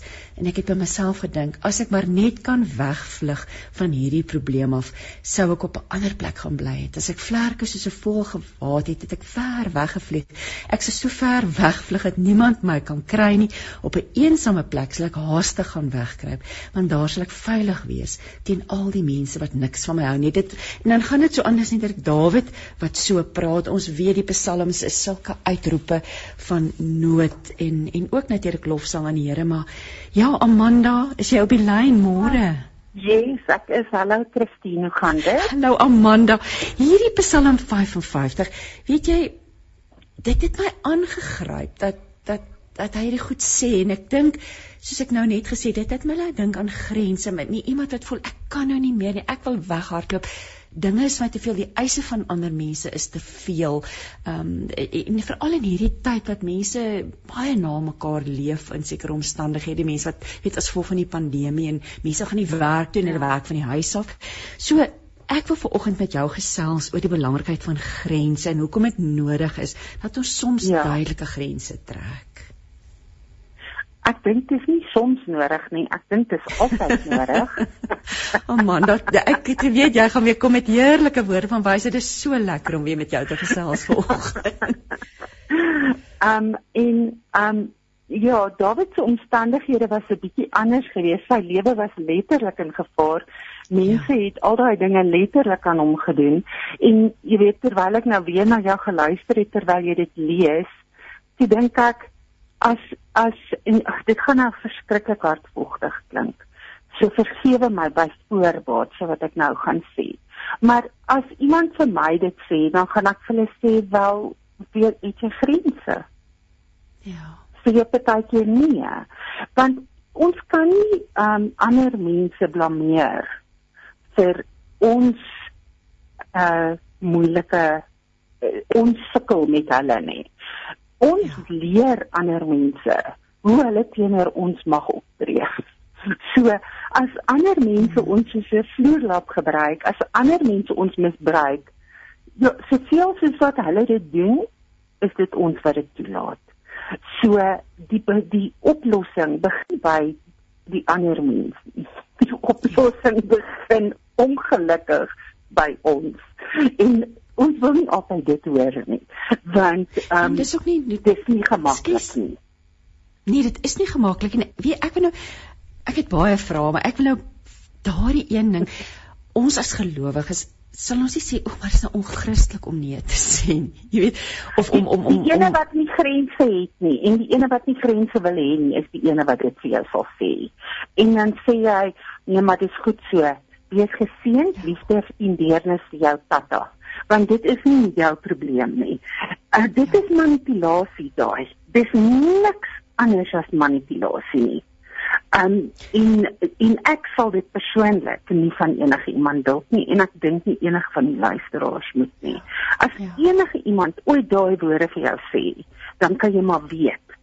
Jy kan maar die rooi vlaggie sien en jy kan maar weet die rede hoekom hulle dit vir jou sê is omdat hulle jou wil manipuleer en misbruik en dan draai jy om en jy stap weg want mense hoor dikwels iemand wat sal sê maar dis 'n Christen wat jy weet dis 'n Christen. Hulle dit, dit maar ons is ook mense nê. Ons as gelowiges is, is ook mense van vlees en bloed. Ek hoor, hoor ons nou sware Dawid gekry. Maar kom ons gaan terug. So nommer 1 dis belangrik ons moet grense stel. Dit dit is dit beskerm ons menswees. Dit dit Ja. Dit beskerm verhoudings seker op 'n manier ook nê Amanda as daar ja, gesonde is, grense is. Ja, gesonde grense is wat maak dat jou lewe funksioneel is en dat jou lewe emosioneel, materieel, geestelik, fisiek en al daai ander areas gesond is want ons kry verskillende soorte grense natuurlik. So die belangrikste waarvan ons net moet vinnig kennis neem is soos materiële grense. Dit is byvoorbeeld jou besittings. Leen jy goed uit of nie geld, kar, jou klere, jou boeke, jou kos, selfs jou tandeborsel. Dan het ons fisieke grense. Dit is jou persoonlike spasie, jou privaatheid, jou lyf. Hou jy daarvan dat iemand vir jou drukkies gee of nie? Ek hou nie daarvan dat enige iemand my soen op my mond nie. Ek verpes dit en ek het een keer aanhoudend vir iemand gesê asseblief moenie dit doen nie. En sy het aanhou om dit te doen en ek het een keer sonder om te dink op weggestamp van my af want ek het nie gehou daarvan nie. So dan het ons ook geestelike grense, okay? Dit is jou gedagtes, jou waardes, jou opinies. Hoe veilig voel jy in dit wat jy glo?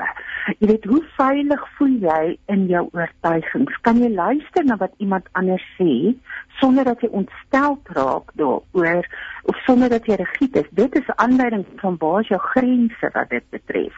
Dan natuurlik emosionele grense. Jy weet, dit is om ons emosies te kan onderskei en verantwoordelikheid vir dit vir ons eie emosionele welstand kan vat en dit los te maak van iemand anders se welstand. Seksuele grense, dit gaan maar oor daai waar staan ek in terme van daai verhoudings en dan spirituele. Daar's 'n verskil tussen mental en dit is uh, so en spiritual. So geestelike in terme van jou verhouding met God, jou koneksie met hom, jou geestelike oortuigings en dan laastens is daar interne grense. Dit is wat jou jou verhouding met jouself reguleer want ons moet ook grense vir onsself stel. Dit het te doen met selfdissipline, met jou bestuur van jou tyd, met watter gedagtes laat jy in jou kop toe, watter gedrag is vir jou vir jouself toelaatbaar. So dit is die tipe grense as ons net sommer so vinnig deur dit kan draf. Waarna ja, ons moet kyk. Dit is omvattend. Jy dis soos wat jy nou ja. hier dit praat, dink ek by myself, ja, ons besef nie eintlik hoeveel verskillend ja. en hoe omvattend dit werklik is nie. Ek wil nou ja. voordat ons bietjie gaan gesels in konteks bietjie oor van verhoudings oor die verskillende grense. Wat is die gevaartekens as van as jy as jy jou grense nie in plek is nie? Hoe weet 'n mens jou grense is nie in plek nie? So die heel eerste ding is dis dis jy moet daarna kyk vanuit twee perspektiewe, nê? So die eerste is stel jy 'n grens. Dis die heel eerste vraag. Stel jy 'n grens? Want jy kan nie regtig kwaad wees vir iemand anders as hulle jou misbruik as jy nooit vir hulle nee sê nie. Dan is jy eintlik kwaad vir jouself. So die eerste vraag is stel jy grense? Dis waar jy begin. Dan die tweede ding is as jy dit in, instel, Hoe weet jy dit dit werk nie? Is niemand steur aan jou nee nie. ja. As niemand hulle steur aan jou nee nie, dan weet jy jou grense werk nie. En natuurlik dit veroorsaak geweldige frustrasie, emosionele ja. pyn, innerlike stryd. Ja. So die ja. persoon wat nie sy grense in plek het nie, sukkel. Ja, die ander persoon weet nie eers hierdie persoon ja. sukkel ja. omdat daar nie grense ja. is nie. Ja, jou hele lewe is is werk nie. Jou hele lewe is disfunksioneel. En daar kan baie redes daarvoor wees. Ek het uitgevind toe ek in my vroeë 30's was dat ek mag sê nee. Ja, ja, Dit klink ja. baie stupid, maar ek het nie geweet ek mag regtig nee sê nie en en daar was redes voor maar dit en dis nie nou relevant nie maar hier is die ding die oomblik wat jy ontdek oor my aarde ek mag ek mag autonomiteit oor my lewe neem. Ek mag sê hierdie is nie vir my aanvaarbaar nie. Ek wil nie hierdie doen nie. Ek wil nie daai doen nie. Hierdie werk nie vir my nie. Dan kom jy agter dat jy kan jouself bemagtig. En as jy gesonde grense het dan gaan jy 'n gesonde funksionele lewe hê. En maar dit vat tyd. As jy begin by ek het weerhou om te kom by gesond, ja. jy moet verstaan dat dit gaan 'n proses wees. Kom ons praat 'n bietjie. Ek ek wil nou vir jou vra, hoe stel ons grense sonder om pyn te veroorsaak of is dit kan dit nie daai woorde nie in een sin gebruik word nie. Ja, ek dink dit is so soos die Engelse sê contradiction in terms daai. Ja, Veral aan die ja. begin. Ja. Jy weet, as jy nou nooit grense gehad het nie, hier is die ding, jy gaan moet kies wil jy 'n funksionele lewe hê of wil jy almal om jou tevrede hou. Dis die opsie. Ja. Kies. Ja. Ek wil almal om my tevrede hou en ek is ongelukkig of ek wil 'n funksionele funksionele lewe hê en daarom gaan ek baie keer mense ongelukkig maak. Ek het iemand gehad wat my vir 4 maande geïgnoreer het in die teenwoordigheid van ander mense omdat ek 'n grens gestel het. Ek moes maar net vasbyt. Dit is in daardie geval is dit sak dit af was waterkap. Dis nou maar net al jy moet besluit wat wil jy hê. Want jy kan nie as jy daai grens in daai oomblik waar daai persoon so teen jou begin reageer. As jy daai grens laat gaan, is dit ouers. Dis wat. Want nou het jy daai persoon gewys. As ek jou ignoreer, as ek opstandig is oor die grens wat jy stel, dan gaan jy hom laat, dan gaan jy hom wegvat. Dis ook weer manipulasie, nê? Nee? Ja, dis alles manipulasie. En dit beteken nie die ander persoon is doelbewus manipulerend nie. Hulle mag dalk, hulle kan wees, maar hulle mag dalk nie wees nie. So hier is die ding, sê nou maar jy het die tuinman, die tuin tuinwerker toegelaat om in jou slaapkamer te kom en wat ook al daar te doen, jou bed op te maak, wat ook al. Nou besluit jy eendag nee, hy mag nou net in die tuin bly. Ek gaan nie verstaan hoekom skielik mag hy net in die tuin bly en nie inkom tot by daai plek nie. Of wat wie ook al, dis dalk nou nie 'n goeie voorbeeld nie, maar wat ek bedoel is as jy iemand toegang gegee het tot 'n area van jou lewe. Ja ongereguleerde toegang gegee. En nou staan jy een oggend op en jy besluit dit werk actually nie vir my nie en ek wil dit nie meer doen nie. Dan hulle gaan nie verstaan hoekom kan hulle dit nie meer doen nie. Jy gaan moet vir hulle dit duidelik maak dat hulle dit nie kan doen nie. Kom ons praat 'n bietjie oor daai proses want daar dit as ek nou so na jou luister, die onus rus op ons as individu om die grens ja. daar te stel. Ja. En ons kan besluit volgens ons waardestelsel, volgens ons omstandighede, ja. wat is dit waar, waar ek 'n grens voor wil Ja. stel? Kom ons praat 'n bietjie oor die proses want mens word op 'n dag dalk wakker en besef my soos jy sê hierdie werk nie meer vir my nie en nou moet ek dit verander. Ja.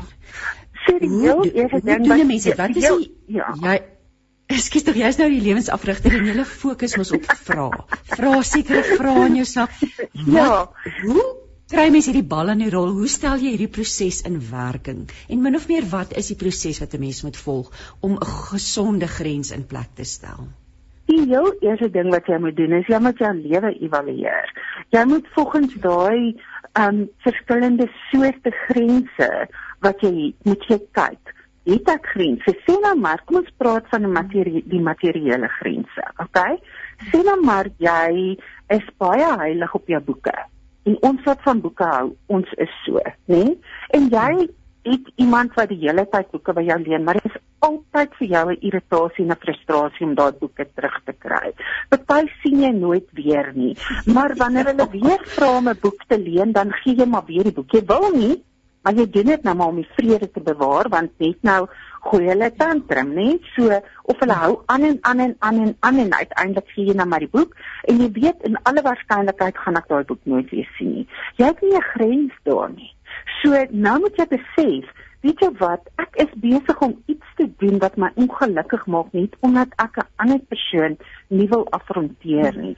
So nou het jy bepaal dat daar het jy nie 'n grens nie. So wat doen jy nou? Nou begin jy nou neem jy die besluit ek leen nie boeke uit nie. So wanneer daai persoon weer kom en hulle sê ek wil graag daai boek. Ooh, ek sien jy het 'n nuwe boek. Kan ek hom leen? Of hulle vra dalk nie eers kan ek hom leen nie. Hulle sê net ek gaan hom by jou leen, hoor, want hulle is al so gewoond dat hulle dit kan doen. Jy kry mense wat jou nie meer vra nie. Hulle maak net die stelling dat hulle iets by jou gaan vat of iets by jou gaan leen en jy staan daar en babbelvrap want wat jy wil nie, maar jy het nie die ver, jy weet nie hoe om dit te stop nie. Dan is op jou om te sê vat die boek mooi sag uit hulle hande en sê weet jy ek het besluit ek leen nie meer my boeke uit nie. Jy is welkom om hier te sit en lees. Daar gaan maak jy tuis op die sitbank. Daar in die sitkamer op die bank, daar's 'n lekker so, plekkie in die sonnetjie. Jy's meer as welkom om elke keer sê hier kom aan die boek te lees, maar ek leen nie meer my boeke uit nie. Haai, maar hoe kan jy nou nee, nee. Ja, maar nee. Ja, maar nee. Dit is wat jy dis hoe jy begin. Nee. Jy is soos 'n plaat wat vashak. Nee. Alles wat hulle vir jou sê. Nee. Nee. Nee. En as jy een keer ingee, dan moet jy weet volgende keer dat jy probeer gaan dit nog moeiliker wees want laas het hulle gesien as hulle net lank genoeg aanhou, dan hou jy op nee sê. Hm. Dis dis taaf. Dit is moeilik, maar weer eens kom dit neer op 'n keuse. Wil jy 'n gesonde en funksionele lewe lei? So iemand bel jou en sê wat altyd vir jou gunste vra. En wanneer jy kan help hulle en partykeer wanneer jy nie kan nie, dan help jy ook want dis mos nou wat ons goeie Christen mense doen, nê. Nee. So nou bel die persoon jou, dan sê jy weet jy ek sou jou graag wou help, maar ek kan hierdie keer gaan ek dit nou nie kan doen. Jy hoef nie 'n verskoning te gee nie. Jy hoef nie 'n rede te gee nie. Hier is die wonderlike ding van 'n grens. Jy kan net sê nee, punt. Jy hoef nie te verduidelik hoekom jy nee sê nie. As die persoon 'n verduideliking vra, dan kan jy vir hulle sê, weet jy, ek gaan dit nie doen nie. Ek het mos nou vir jou verduidelik. Maar hoekom? Dit maak nie saak nie. Ek het nee gesê. Ja, maar nee, die antwoord is nee. Dit is hoe jy begin. Dis hoe jy begin en en dit en en so dit verg eintlik baie selfdissipline. Dit verg baie so jou ja, so jou interne grense waarskynlik moet jy aan begin werk voordat jy jou eksterne grense werklik gaan kan begin reguleer. Maar een van die maniere, hier is die ding, jy moet ons wil altyd liefdevol, eerlik en opreg teenoor daai persoon optree. So ons gaan nie vir hulle beskuldig en lelik wees en ons wil verkieslik nie in 'n risie betrokke raak nie. Ja, ja. En wat baie help is as jy nie die fokus sit op hulle nie en sê Nee, want jy misbruik my. Nee, ons wil nie dit doen nie want dan maak jy hulle die fokus van jou nee. Jy is die fokus van jou nee. So daar sê jy weet jy ek sou graag wil hê jy moet my tyd respekteer. As ek vir jou sê nee, het ek 'n rede daarvoor en ek sou graag wil hê dat jy dit respekteer. So dan sit jy dit, dit op jou. Dit is jou jy sê nee. Jy sê nie nee oor hulle een of ander gebrek in hulle karakter het nie, hoewel dit die waarheid mag wees. Jy sê nee want dit is vir jou nie die regte ding nie. Ja. So dit is eintlik relevant hoe dit hulle raak. Dit is oor wat doen dit aan jou lewe? Moet jy tyd wegvat van jou gesin om te luister vir 'n uur en 'n half hoe hierdie persoon oor hulle nuutste lewensdrama met jou oor die foon praat? Dan sê jy net ek luister graag na jou, maar ek kan ongelukkig nie nou verder gestel nie. En dan gehou hulle gewoonlik net aan met praat natuurlik. Ja, maar dan sê dan stop jy. Dit is dis die hierdie goed is baie moeilik. Dit is dit het my jare gevat om te vorder in my grense. En elke bietjie vordering help. Elke bietjie vordering wat jy maak met iets meer lê van jou grense maak jou 'n bietjie vryer en maak jou lewe 'n bietjie gesonder. En elke keer voel dit soos 'n bietjie van 'n oorwinning. Ek het nou die dag vir die eerste keer iemand wat in my, by my sit en skinder het oor iemand anders gesê ai weet jy ek wil regtig nie hierdie hoor nie weet hierdie vriendin dat jy so van haar agter haar rug praat En dit was die eerste keer wat ek dit gedoen het. En dit was die eerste keer wat ek regtig daai grens so ferm kon stel. Maar dit het my lank gevat om by daai punt uit te kom want ek was altyd te bang geweest ek maak vyande as ek dit doen. So jy sit daar en jy's ongemaklik en jy wil nie na hierdie kinders storie luister nie, maar jy voel vasgevang in die omstandigheid en jy voel jy weet nie hoe om daar uit te kom nie. Dit vat tyd. En as jy in hierdie proses gaan ingaan en dink, jy moet nou vanoggend opstaan, jou lewe evalueer vir grense, vasstel waar hulle nie werk nie, nuwe grense instel en woets môre werk dit alles 100% dan jy in vir 'n surprise want dis nie hoe dit gaan werk nie. Maar dit gaan lewensveranderend wees. Maar dit gaan lewensveranderend. Dit is hoe dit Wat ja, Amanda, so dit so mense moet eintlik gaan kyk as jy voel jou lewe is buite beheer soos arme Dawid gesê het ek wil eerder net wegvlug en iewers ja. wat gaan wegkruip in 'n stil hoekie evalueer ja. jou lewe en en die ja. daar is waarskynlik grense wat dan nie in plek is nie ja begin net om te sê nee en en jy sal agterkom dat baie mense hier is die mense kom ek vir myself in die rede hier is die mense met wie jy probleme gaan hê wanneer jy grense begin stel is mense wat self nie grense het want hulle is heel verras as jy vir hulle sê daar as jy vir hulle nee sê. En, en gewoonlik die mense wat wat almal wat nie kan nee sê nie jy gaan hulle saam kry om die koffiekan klop en kla oor hulle oor almal wat hulle misbruik maar nie een van hulle het grense nie so hulle weet dan mense ander omdat hulle dit self het nie respekteer hulle nie 'n ja. ander persoon se grense nie ja want dit werk na twee kante toe. Jy kan nie net grense stel en ander mense se grense nie ook respekteer nie. Wanneer jy wil hê mense moet jou grense respekteer, dan beteken dit nie net moet jy kan nee sê nie, jy moet ook kan nee hoor. Hm, dis interessant. Ek wil nou vir jou vra woorde van wysheid van jou kant af vir al die dienende Martas onder ons want dit is ook die Martha Maria ons is so geneig ons het ietsie van albei en daar's mense wat net absoluut 'n lewe van 'n dienende Martha leef. Wat watter raad het jy vir so 'n persoon? Woorde van wysheid. Gaan al jou woordeboek van die rak af. Slaan hom oop by die woordjie by en soek die woordjie nee. Kyk wat beteken dit en dan begin jy hom gebruik. Want hier is die ding, jy kry mense wat 'n dienaarshart het en hulle hou daarvan. Dit gee vir hulle energie om mense te dien. Hulle doen dit omdat hulle dit geniet, dit is vir hulle 'n vreugde. Die wat daaroor kla, het nie grense nie. En ek voel net moenie by my kom klaar omdat jy die hele tyd besig is om ander mense te dien as jy nie weet wat die woord nee beteken en hoe om hom te gebruik nie. Dan moet jy begin en sê nee. Dis baie bevrydend om te sê nee. Want jy wil hê iemand anders moet daai grens vir jou stel en it ain't happening baby soos die Amerikaners sê. Dit gaan nie gebeur nie. Daai persoon weet. Hulle weet waar jou swakplek is.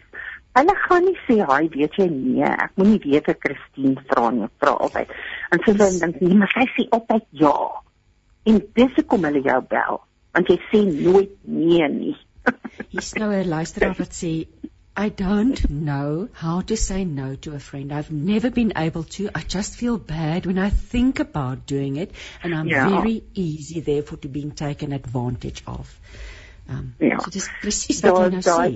Ja, dit begin by interne grense. Dit weet jy waar begin dit? Dit begin daarby om te verstaan dat jy het waarde as mens. Ja, en ja. jou tyd en jou lewe en jou toekoms en jou drome en jou familie het net soveel waarde as hierdie persoon wat jou nou wil misbruik. As jy verstaan dat jy waardevol is nie, sal jy nie dink jy die reg om nee te sê. Ja, en dit bring ons terug na die woord en hoe God oor ons voel want ek weet um, ja. jy dit is altyd vir jou die beginpunt. Wat is ja. jou siening? Hoe sien jy God en hoe dink jy sien God jou nê? Ja. En en daai daai ding is 'n is as jy kan as jy kan verstaan dat die rede hoekom jy nie wil sê nee nie of dink jy kan nie sê nee nie is omdat jy eintlik dink daai persoon het meer waarde as wat jy het. So Nikki, you sent the message uh, um I mean I think this is a powerful message to to, to that Amanda wat Amanda wat jy nou sê, wat is jou waarde as mens dan? Ja. So hierdie is 'n ja. hierdie is 'n diep liggende eintlik is dit 'n diep ding, 'n ding wat tyd vat, 'n ding wat weer ander ja. dinge na die na die oppervlakte laat kom as jy begin word ja. die eerste ene wat jou misbruik of wat jy voel jy kan nie voornees sê nie te begin nee sê. Ja.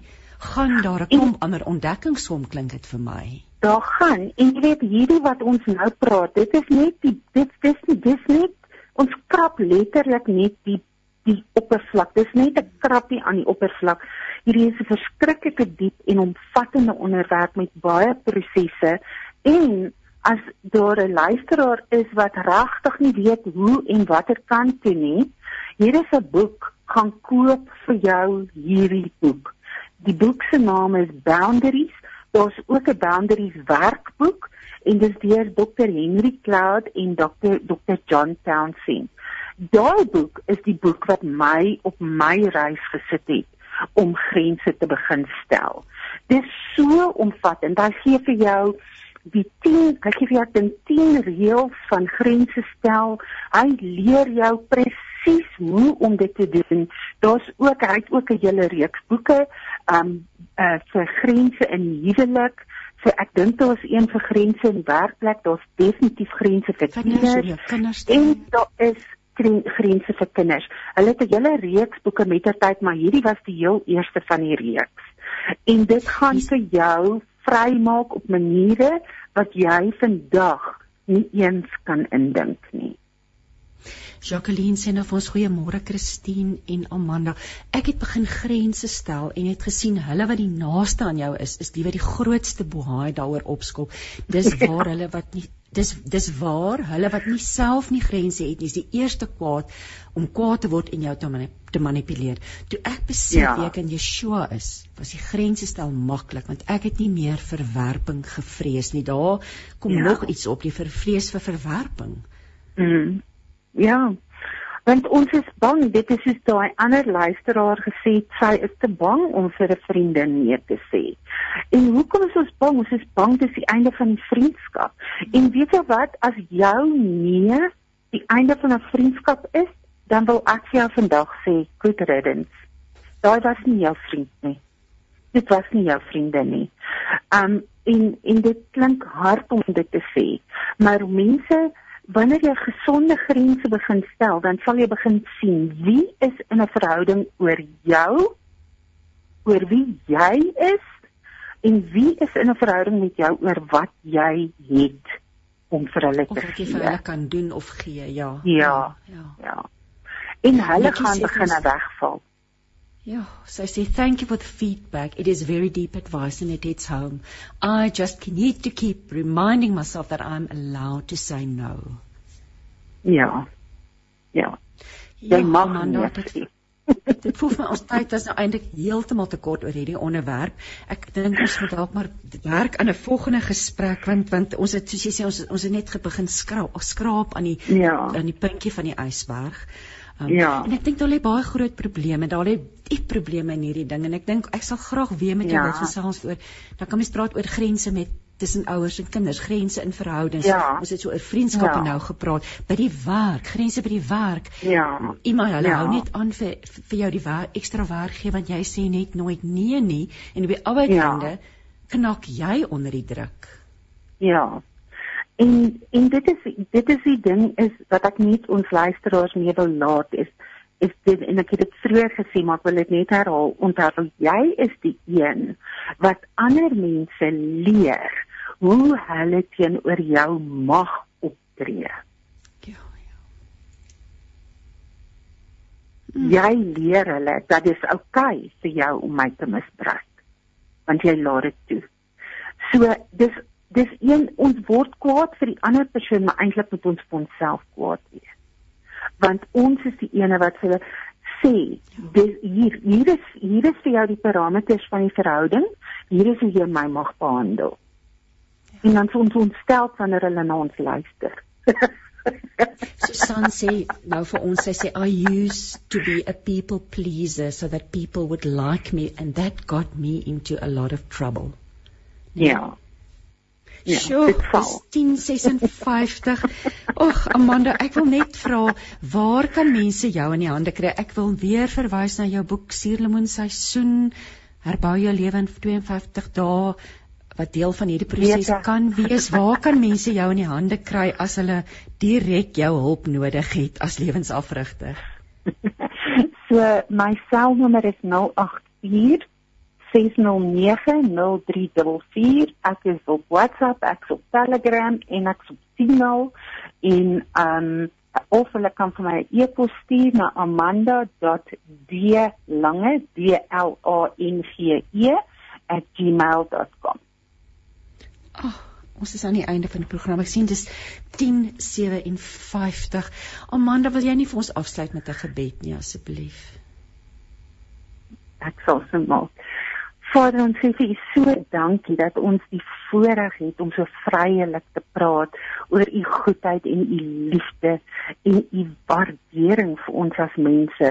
En ek vra dat U vandag elke hart sal aanraak wat geluister het na hierdie program en dat U deur die Gees vir die wat voel so sluimerlik sal wys wat hulle waarde is sodat hulle sal begin opstaan om te reflekteer dit wat u oor hulle sê in hulle lewe. Dankie in Jesus naam daarvoor. Amen. Amen. Ek wil net herhaal Amanda se nommer is 0846090344 e-posadres amanda d lange sonder die e d lange @gmail.com. Amanda, dankie vir jou tyd vanoggend. Ek weet jy's baie besig, maar wat 'n lekkerte was dit net om weer met jou te gesels en ek wil graag hierdie gesprek een van tyd voortsit. Dit lyk like vir my ons luisteraars stel op belang om bietjie meer hiervan te hoor en te leer hoe ons binne die konteks van gelowig wees en ja. goeie mense wil wees, maar tog hierdie grense in plek te kan stel. Ek wil dankie ja. sê vir Bosie Leo vir sy tegniese versorging en dis tyd om te groet. So tot volgende week groet ek jou dan en mag die Here met jou wees, mag jy vrede beleef, mag jy sy liefde aanvoel elke oomblik van die dag. Totsiens.